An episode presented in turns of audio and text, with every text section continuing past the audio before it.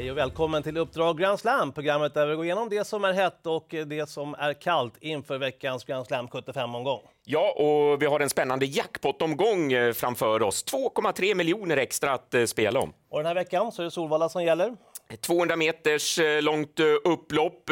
Banan är bred och fin. Det som kan ställa till det, det är om det skulle komma nederbörd. Då har Solvallasbanan tendens att bli lite besvärlig, men prognosen just nu säger att det ska bli uppehåll. Och vi drar igång med veckans heta.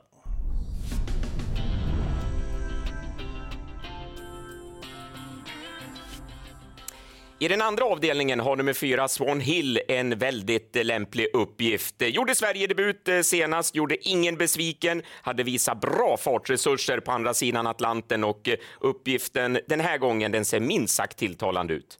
Och jag vänder blad till den tredje avdelningen där vi har en Björn Goop-häst i nummer 10 Gliding Eagle som var ute senast på Örebro. Vi ser Björn Goop här på bortre långsidan, har ju mil fram till ledaren och det ser väl ut som att man kanske kan bli tvåa i alla fall. Eh, men hästen spurtar bra och hinner dit i god tid före mål. Nu hoppar Carl-Johan Jeppsson upp och hästen går framåt för varje start och jag tror att den har en jättechans att vinna avdelning 3. Och I den fjärde avdelningen eh, där har vi nummer sju, Georgia Am, som har visat eh, väldigt eh, bra form.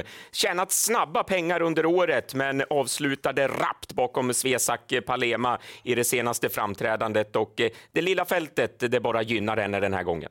Och i avdelning 5 där har jag en Mikael Laudon-styrning i nummer 10 Jukari eh, som är en spurtstark häst. Mikael eh, är rutinerad i de här sammanhangen. Så här såg det ut näst senast när Jukari vann eh, på Eskilstuna och det är en sylvass spurtare som vi verkligen får se upp med i avdelning 5.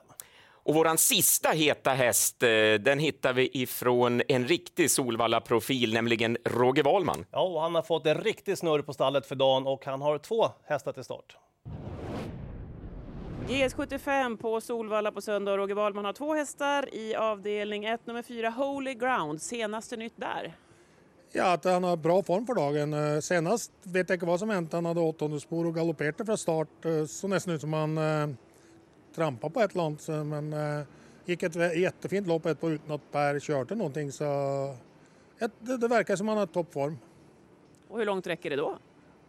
Jag borde kunna vara med och kriga om segern tycker jag. Eh, ett vettigt läge undervägs och gå till slut så tror jag att han kan vara med och göra om det. Då har vi en där, Habrik Am, då nummer fem i avdelning 6. Ska vi ta med den också tidigt tycker du? Ja, jag tycker nog det. Han visar ju gryende form här eh, hela tiden och går bra lopp bakom dem. Skulle klaffa, klaffa undervägs så att han får sitta lite längre än han fick göra senast så, så tror jag han speedar ner många till slut. Och han är mogen för en seger tycker jag. Stallformen generellt då hos Roger Wahlman, hur ser den ut? Ja, enligt de sista resultaten så är det ju ganska bra så vi hoppas det håller över söndagen. Mm, det var positiva tongångar från Roger Wahlman där. Ja, det var det verkligen och eh, framförallt på nummer fyra Holy Ground i den inledande avdelningen som verkligen har en fin utvecklingskurva nu. Mm, och eh, från de varma tongångarna så blir vinterkläderna på. Här kommer veckans kalla.